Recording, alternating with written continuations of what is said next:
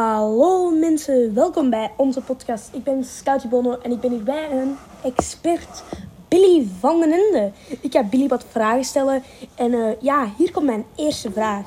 Wanneer is er nu echt veel CO2 aan het komen? Het is ongeveer gestart rond 1850. Dan is er veel CO2 vrijgekomen van de mens. Oké, en eh, wat zijn de nadelen er eigenlijk van? Ja, eh, als het heel warm wordt, dan kunnen er planten ja, kunnen niet meer groeien. En dieren kunnen ook, die gaan dan uitsterven door de warmte en door de hitte. Behalve natuurlijk de dieren die er heel goed te- tegen kunnen. Maar uiteindelijk gaan ze ook uitsterven, de dieren die er goed tegen kunnen. En eh, ja, ik heb gehoord, koeien, die stoten CO2 uit en ook auto's. Wat is er nu erger, een auto of een koe? Eigenlijk is een koe is, eh, heeft geen ergere uitstoot, ook al stoot hij minder uit. Dat wist ik niet. En hoe snel wordt het dan warmer?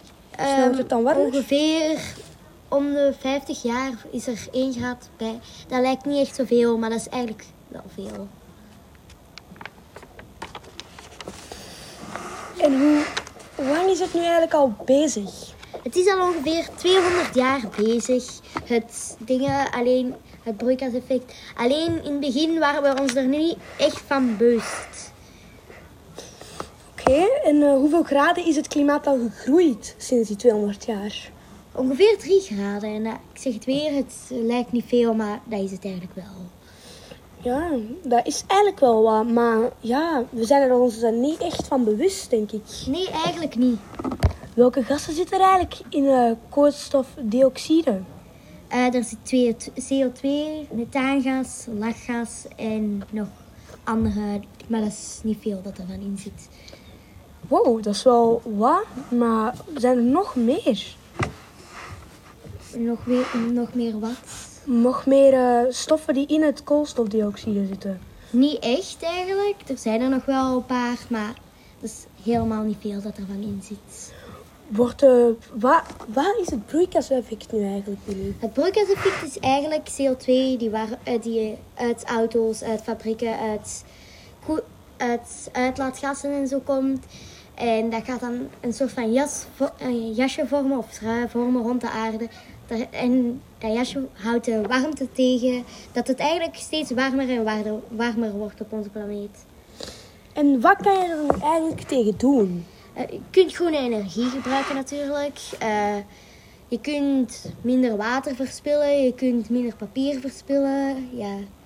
En minder met de auto rijden of zo. En wat als er nu geen broeikasgassen in de atmosfeer zaten? Ah, dan zou het min 18 graden zijn. Zo koud. Ja, op zich is het dan wel goed als het een beetje broeikaseffect is. Omdat anders min 18, daar kunnen we niet echt in leven. Min 18 graden, daar kunnen we niet echt in leven. Maar we moeten nu ook weer niet helemaal erbovenuit gaan. En min 18 graden, is dat dan een van de warmste dagen of een van de koudste dagen? Dat is gemiddeld, net zoals bij ons. Dat is ongeveer rond de lente. Dat Oké. min 18 is. Wat versterkt het broeikaseffect eigenlijk? Eh, ja, we, we rijden meer met de auto's en al. En wat is het versterkte broeikaseffect? Eh, dat is een toename van alle CO2 en zo. Dank u om naar onze podcast te luisteren. Dank u, Billy. Dag.